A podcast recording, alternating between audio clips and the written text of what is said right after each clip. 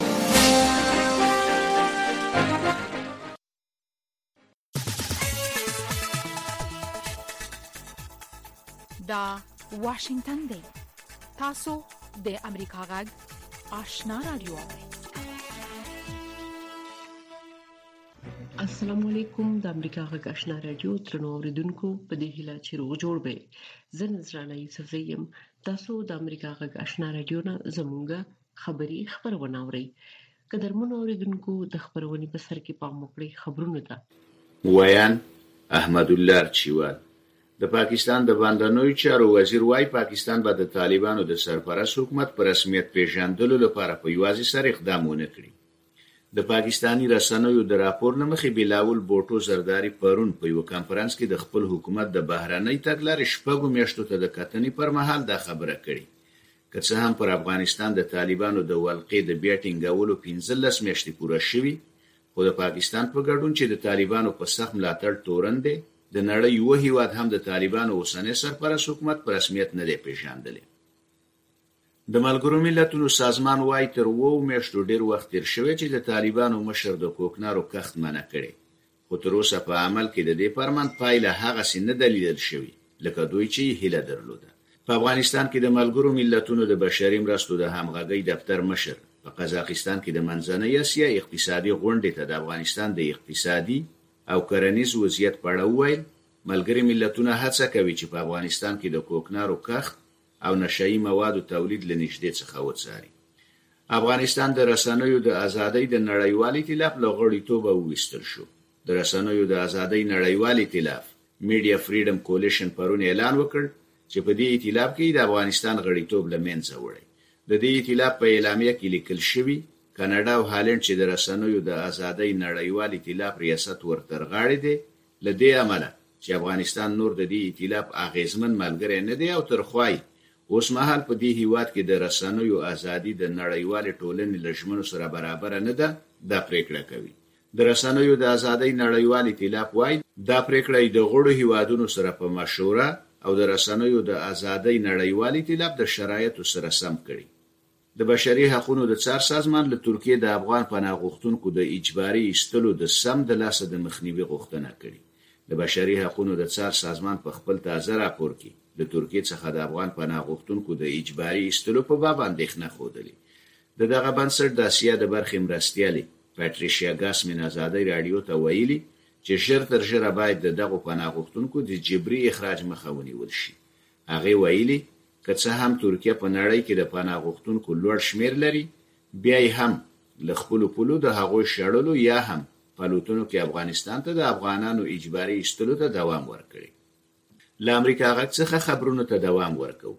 د پاکستان په شمال لویدیځ کې د سړک غاړې بم چاودنه کې لږ تر لږه شپږ کسان وژل شوي. د رویټرز اژانس د راپور له مخې دغه چاودنه پرون مازیګر د جنوبي وزیرستان په چمکالۍ سیمه کې شوې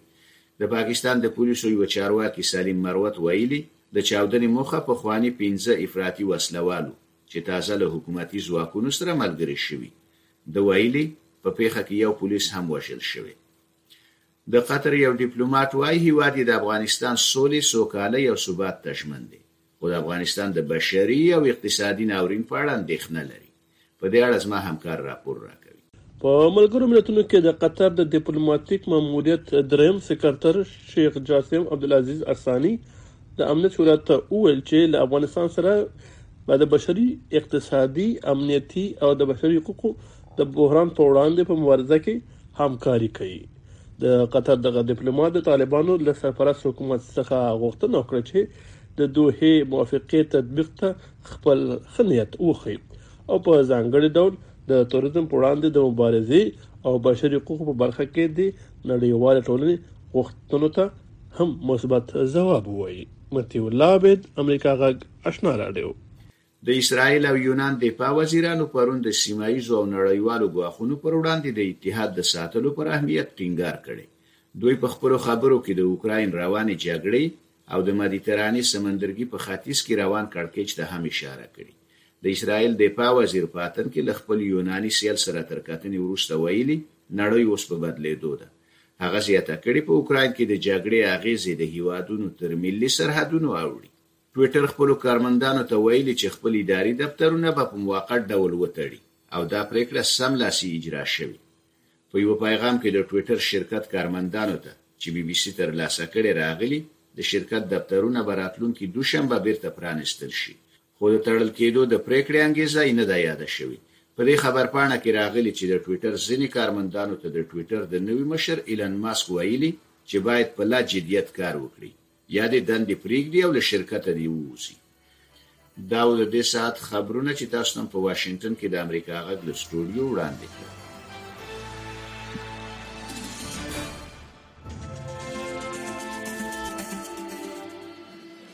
د امریکا غږ آشنا رادیو درنو اوریدونکو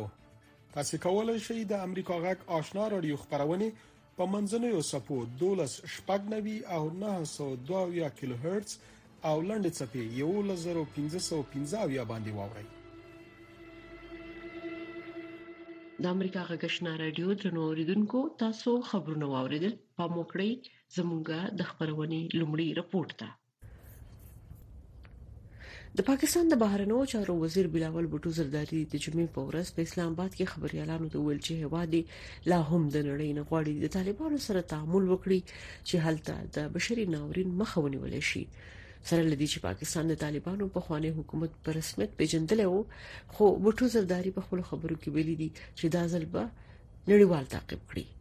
نور تفصیل د اکرام شنواری په رپورټ کې د پاکستان د بهرنی چارو وزیر بلاول بوټو زرداری د جمعې په ورځ په اسلام آباد کې خبريالان ته ویلي چې د نړۍ د اجماع پرته به په افغانستان کې طالبان حکومت په رسمیت ونه پیژني او دا خبرداری هم ورکړي چې د طالبان لپاره د نړۍ حوصله مخ په کمیدو ده خو خاطری زرداری د هم ویلي چې هیواد له هم د نړۍ څخه غواړي د طالبانو حکومت سره تعامل وکړي دنیا کا پیشنس کم هوتا جا رها هې. ښاغلي زرداري وویل، د دنیا حوصله مخ په کمېدو ده او د دې ټولو مشکلاتو باوجود غوښتنه کوم چې طالبانو سره تماسونو ته دوام ورکړي او پخوا چې کومې سهوې شوي موږ ته په کار دي چې هغه بیا تکرار نه کړو. نهي کرنې چاهیې. سره له دې چې پاکستان د طالبانو پخوانی حکومت په رسمیت پېژندلی و، خو ښاغلي زرداري په خپلو خبرو کې وویل چې دا ځل به نړیواله اجماع تعقیب کړي. طالبانو حکومت تر اوسه د پاکستان د بهرنیو چارو وزیر دغه څرګندونو ته غبرګون نه دی ښودلی. طالبان د 2020 میلادي کال د اگست په میاشت کې په افغانستان کې واک ته رسیدلي خو د نړۍ هیڅ کوم هیواد د طالبانو سرپرست حکومت تر اوسه په رسمیت نه دی پیژندلی د پاکستان د بهرنی چارو وزیر دا څرګندونې په داسې حال کې کړي چې د افغانستان او پاکستان ترمنځ د چمن سپین بولدک سرحدي بندر د نږدې یوې ونې راهیسې تړل شوی دی د پاکستان حکومت دا سرحد وروسته له هغې چې د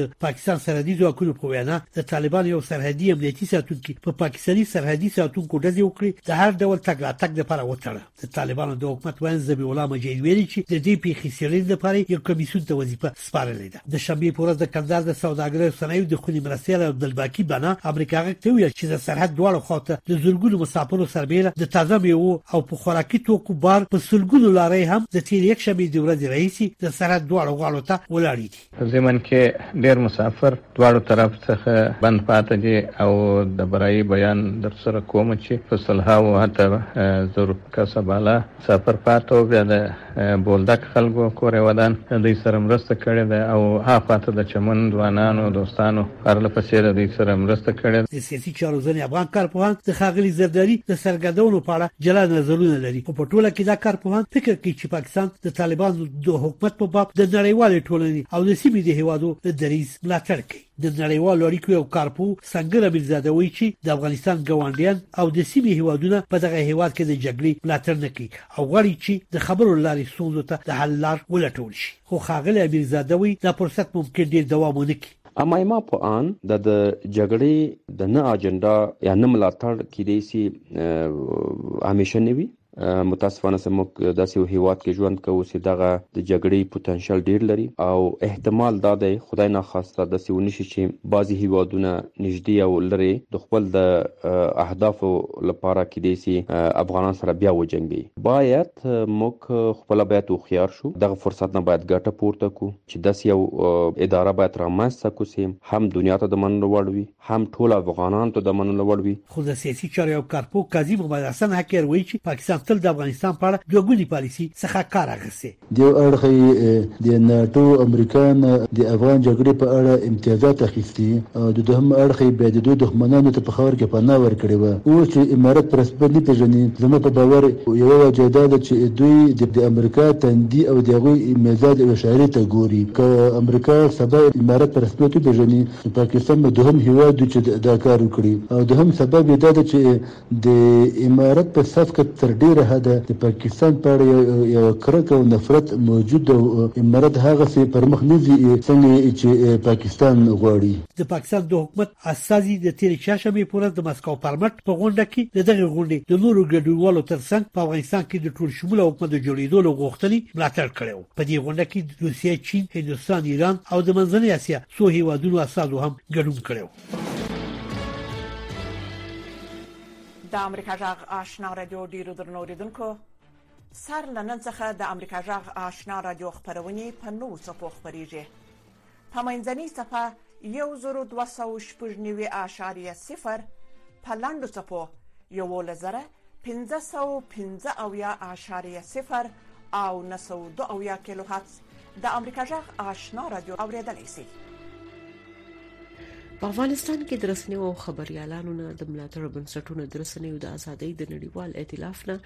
د افغانستان په ایستلو اندېښنه خولي او د طالبانو نه غوښتي چې پر رسنیو محدودیتونه باید لغو کړي نور تفصيل د وحید فیضی په رپورت کې د رسنیو د ازادۍ نړیوال ائتلاف څخه د افغانستان د غړیتوب لغوه کولو افغان خبريالان سخت اندېښمن کړي دي د دې ائتلاف په خبرپاڼه کې راغلي، د رسنیو د ازادۍ ائتلاف ته څرګنده ده چې په افغانستان کې د رسنیو د ازادۍ وضعیت له بده مرغه نور د نړیوالو ټولنې د ژمنو سره مطابقت نه لري. په حقیقت کې اوسنی حالت د جدي اندېښنې وړ دی. له بده مرغه د رسنیو د ازادۍ له نړیوالو بنسټونو او نړیوالو سازمانونو څخه د افغانستان د نوم حذف کېدل نه یوازې د افغانستان لپاره بد پیغام له ځانه سره لري، بلکې د هغو افغان خبریالانو لپاره چې په کور د ننه خبرنګاري کوي یا له اصولو سره سم کار کوي د هغوی لپاره هم ډیر بد خبر دی. د افغانستان د خبریالانو مرکز وايي، په تېر یو کال کې په افغانستان کې د خبریالانو او رسنیو په وړاندې د تاوتریخوالي دوه سوه پنځه څلوېښت قضیې ثبت کړي چې په هغه کې نیول، فزیکي تاوتریخوالی، ګواښونه او دوو تنو خبریالانو د وژل کېدل شامل دي. بلخوا د خبریالانو د خوندیتوب کمېټې هم د افغانستان د غړیتوب پر لغوه کولو خپګان ښودلی دی. له یاد ایتلاف نه د افغانستان وتل هم متاسفانه یو ښه زیری نه ده او طبعاً چې خپل بد عواقب به ولري. یو شمېر خبریالان چې په افغانستان کې د محدودیتونو له کبله یې دندې پرېښودې وايي چې د طالبانو له واکمنېدو سره د بیان ازادي له منځه تللې ده. د طالبانو د واکمنېدو سره په افغانستان کې بیان ازادي د منځه ویول شو خبريالان شکنجه زنداني شول او خزینه خبريالان چې وی هغه له کار څخه راوګرځول شوی او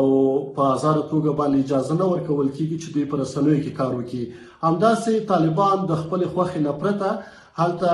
کومې رسنۍ چې فعالیت لري دوی ته اجازه نه ورکوي چې خبر نشر کړي متاسفانه په ډېرې اسانۍ سره دغه څه چې موږ د بیان د ازادۍ په ډګر کې په لاس راوړي و له لاسه مو ورکړل له دې څخه معلومیږي چې په افغانستان کې د بیان د ازادي جنازه اخیستل شوې ده او نور په افغانستان کې د بیان ازادي مړه شوې ده افغان خبریالان له طالبانو غواړي چې پر رسنیو محدودیتونه لرې کړي او نړیوال بنسټونو نه د موږ هیله همدا ده، غوښتنه مو همدا ده چې دوی باید خبریالانو ته کار وکړي تر څو د دوی دغه شل کلنې لاسته راوړنې بې ځایه ولاړې نه شي.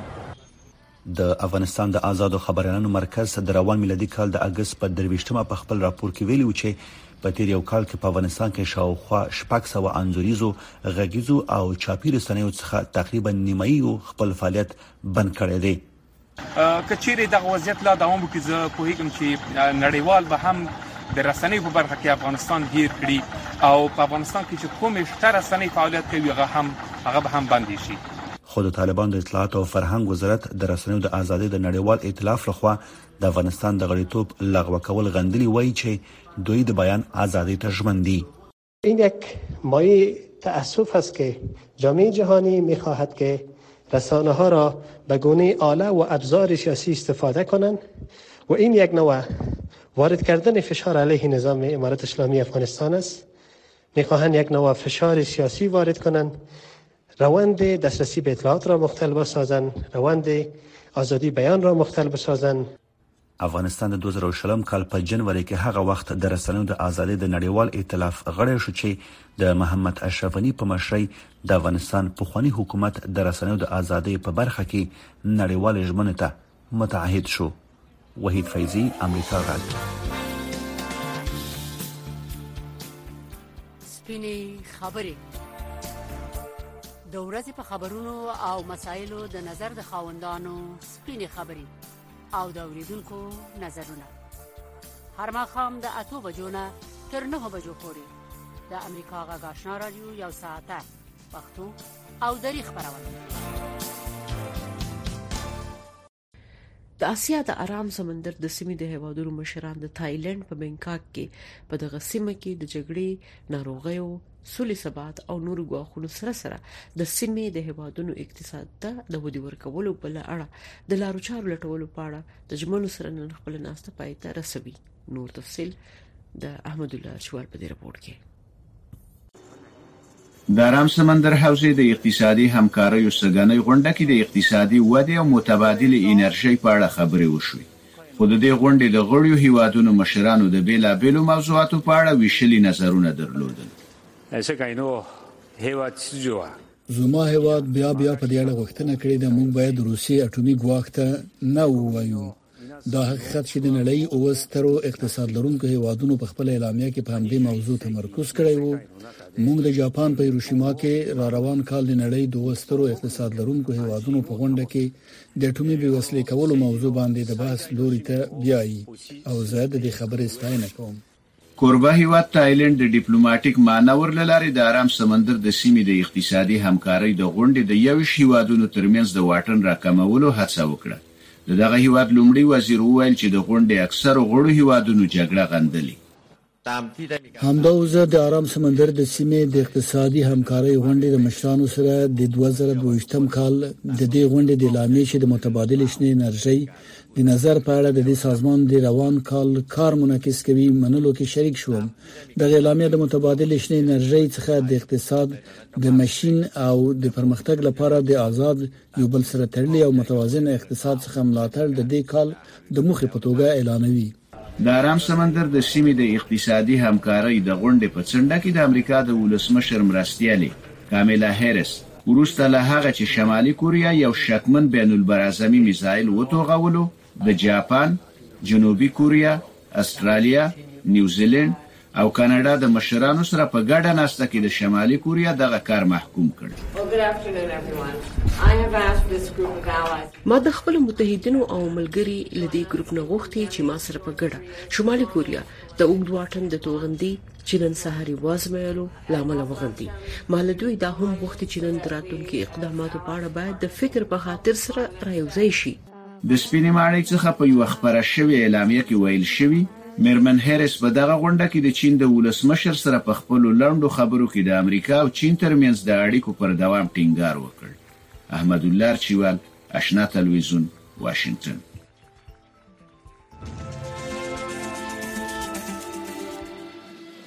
د امریکا غږ آشنا راډیو درنو اوریدونکو! تاسو کولای شئ د امریکا غږ آشنا رادیو خبرونه په منځنوي سپو 12 شپږنوي او 902 کیلو هرتز او لنډ چپی 11515 باندې واورئ د یوکرين د یو تحقیقاتي مجلې یوکرين کا پراودا مدیره یو د هغو خبريالانو د چې په 2022م کال کې خبريالانو د ساتنې د کمیټې د مطبوعاتو د ازادۍ نړیواله جایزه ترلاسه کړې نور تفصیل په دې رپورت کې په یوکرين کې د روسیې د جګړې نه واخله د نیویارک په ښار کې د وی غونډې پورې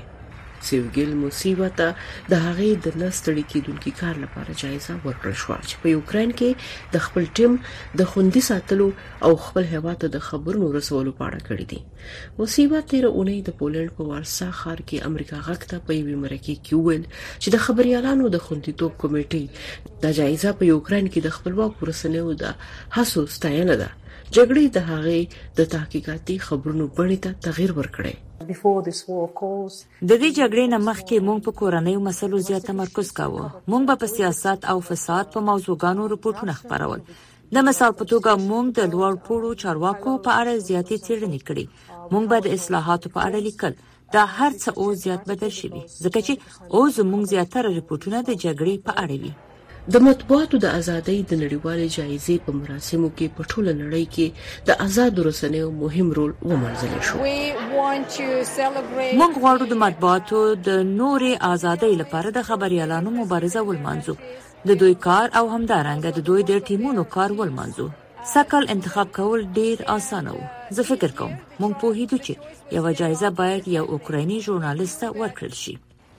جیمینیز مخکې په بارسلونا کې د امریکا غږ سره په مرکه کې وویل چې د بشري حقوقو په اړه د رپورټونو لکبل هغه د سخت فشار سره مخ دی د هواره چارواکو جیمینز نیولی او هغه یې مجبور کو چې په ټلویزیون کې غلط بیانونه ورکړي چې هغه د سی آی ای جاسوس دی او بیا یې هغه ته خبرداري ورکو حکومتي چارواکو ماته ټلیفون وکړ او ماته وویل چې زه باید هیواد پرېږدم کنه نو ما به بندي کړي او زما کورنۍ ته به ستونزې پیدا کړي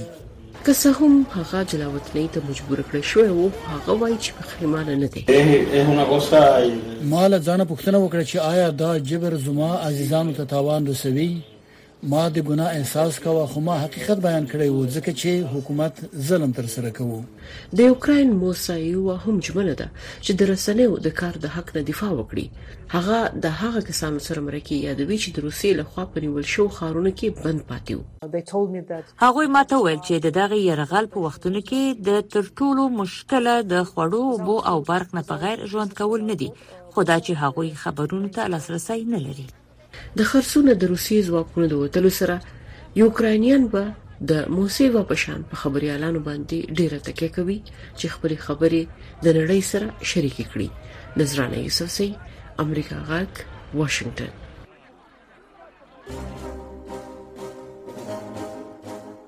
ټول د حقایقو د پیدا کولو په لټه کې امریکا غږ په نړۍ کې د موثقو معلوماتو په برخه کې نړیوال شهرت لري امریکا غږ په نړۍ کې د ټولو لپاره د خبرونو باوري سرچینه ده خلک د نړیوالو مسایلو په حق له جامع معلومات غواړي او امریکا غږ دغه معلومات برابروي د امریکا غږ اشنا رادیو یو موثقه معتبره او جامع منبع منځنۍ چپه 1290 او په 15 کارونو کې اف ام 0.15 په افغانستان کې د طالبانو په بیا واکمنېدو موسیقي د پام لویدلې ده هنرمندان یا د هیواد نه وتلي او یا هم د خپل دندو په پرېښودو مجبور شوي دي فیض سخي هم د دغو هنرمندانو له جملې نه یو دی چې د کابل پوهنتون د ښکلو هنرونو په پوهنځي کې د موسیقۍ د مشهورې الې رباب استاد پاتې شوی خو اوس په پېښور کې رباب تدریسوي څنګه همکاري مسکا صاحب په دې حق له رپورټ جوړ کړي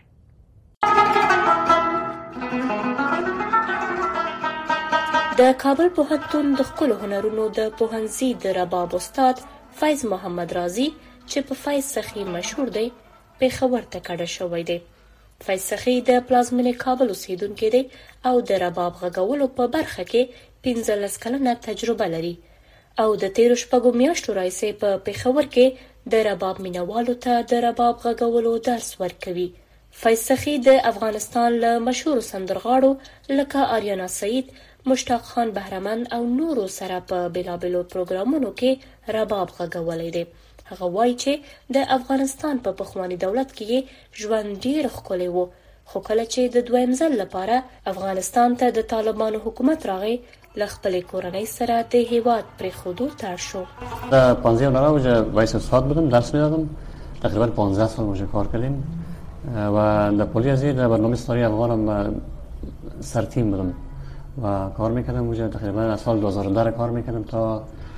2019 کار میکردیم دیگه در حکومت پیشین روز روزگار ما وضعیت ما زندگی ما اقتصاد ما همه چیز شکر خوب بود خوب روان بود همه چیزا اما این از وقت که امارات آمد مشکلات های بسیار زیاد ما دیدیم چون اقدر ما تحت فشار بودیم که حتی خود بودیم فیصخی وای افغانستان اوس د هنرمندانو د اوسېدو ځای نه دی هغه وايي چې له طالبانو سره یې هم د هنرمندانو لپاره د لارې غوره کولو په موخه غونډه کړې وه، خو د هغوی له انکار پرته بله کومه هیله نه وه. خود افغانستان هم کسایی که که فعلا هم هستن هر کس هم در سیستم کاروبار خود کم روان است اما هنرمند طبقه ویش در خط سرخ هستن و هیچ چیز کردن نمیتونن و میترسن هم و چندین برنامه که ما شاهدش بریم دوستایی که از ما هم پرای ما رفتن کار کردن نواختن و خودشون رو لقم کردن زیاد وسایلشون هم میده کردن تا رفتیم امرایشان ششتیم گپ زدیم مشوره کردیم اما آنها ما جواب دادن میفتش از شما هیچ امکان نداره این خب، حساب دین ما حرام است دلیلای بسیار زیاد اتا یعنی نمیشه خلاص فیض سخی په بلابلو وختونو کې زده کوونکو ته د رباب غږولو درس ورکوي او زده کوونکي یې وایي کله چې دوی ته معلومه شوه چې فیض سخي پېښور ته راغلی دی د نوموړي څخه یې د رباب زده کړه پیل کړې ده. استاد نه خو ماته ډېر مخکې نه پته و خو بیا ملګری په ترو بیا ماته پته ولګېده چې دی پېښور ته راغی که نه او زه دې اکاډمي ته روزانه راځم مازدیګر ټایم کې که نه او استاد یې موږ ته هغه ښيي سرګم بیسکس فیض سخي د خپل کور یوازینی نفقه ګټونکی دی هغه وايي، د اقتصادي ستونزو تر څنګ ورته په پېښور کې ازاد ژوند تېرول هم یو لویه ننګونه ده. د یادونې وړ ده چې سږ کال په پېښور کې د کرښې د دواړو غاړو د هنرمندانو له خوا د افغان سندرغاړو او هنرمندانو د نیول کېدو په ضد مظاهرې هم شوې وې. فیصخي که څه هم له هېواده لرې په ډېرو سختو شرایطو کې خپل کار ته دوام ورکړی، خو وايي چې د وطن یاد او د کډوالۍ ورځو او ورته د ژوند خوند پیکه کړی دی مسکا ساپی امریکا غاز پیښور د واشنگټن څخه د امریکا غږ آشنا رادیو اوري د پولیو په اړه د عامه پوهاوي کچه لوړه شوې ده د پلازمنې کابل اوسیدونکو وایي د اتیانا د نوي سلنه خلک د ګوزن په ضرورونو او واکسین په اهمیت پوه شوي دي د پولیو د عامه پوهاوي مسولین وایي د بیلابیلو تګلارو کار اخیستی دی نور تفصیل په دې رپورت کې د پولیو ضد واکسینو په اړه عامه پوهاوی او کورنۍ قانع کول لا په افغانستان کې یوه ستونزه ده ځکه ګڼ خلک لا د واکسین په اړه د ناسم باور او تبلیغاتو له مخې پریکړه کوي د کابل اوسیدونکو مو په همدې تړاو وغږول چې د پخوا په نسبت اوس خلک څومره په حقیقت پوه شوي چې د پولیو دوه څاڅکي واکسین یې ماشومان له دایمي فلج ژغوري د کابل اوسېدونکو خالد او اورانوس اشنا رادیو ته وویل د عامه پوهاوي کچه یې شاوخوا نوي سلن ته لوړه شوې ده رښتیا ده چې موږ د پوهاوي سطحه که ووایم چې نوي فیصده زیاته شوې ده ځکه چې مخکې به موږ ته معلومات نه کېدل چې پولیو واکسین ماشومانو ته څه ګټه لري خو اوس یې په ټولو ګټو خبر یو او پوهیږو یعنې ملاتړ یې کوو زموږ سیمه د ښار نه یو څه اندازه لرې پرته ده، خو بیا هم په سلو کې نوي اتیا سلنه خلک د پولیو واکسینو طرفداران دي. په دو رابطه باندې دوی مثبت نظر لري او دوی واکسین کولو ته ډېر خوشبینه دي او په دو نظر دي چې باید ټول ماشومان د پولیو واکسین وکړي. بلخوا په افغانستان کې د پولیو عامه پوهاوي مسؤلین وايي، دوی خپلې هڅې چټکې کړي ترڅو هغه فیصدي خلکو ته هم پوهاوی حاصل شي چې لا هم د پولیو واکسین په اړه نه پوهیږي یا ډیر کم معلومات لري د پولیو د عامه اړیکو مسول سید کمال شاه آشنا رادیو ته داسې وویل له بېلابېلو ستراتیژیګانو د ټول هیواد په کچه به کار اخیستل کیږي چې په هغه کې د رسنیو له لارې پوهاوی دی د دې ترڅنګ د ټولنیزو رسنیو ښکېلتیا د لاغه لارې خلکو ته پوهاوی ورکول دی او په هغو سیمو کې چیرې چې اړینه وي هلته د ښځینه او نارینه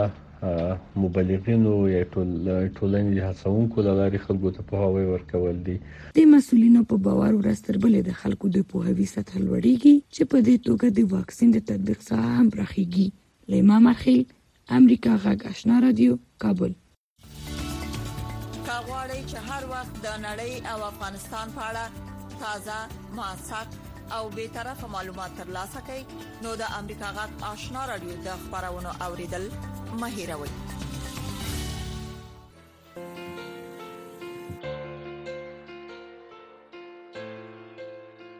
قدرمن اوریدونکو تاسو د امریکا غږ آشنا رادیو نه زموږ خبری خبرونه واوریده موږ تاسو نه په دې هیله اجازه غواړو چې خبرونه به اوریدلې وي د خدای په امان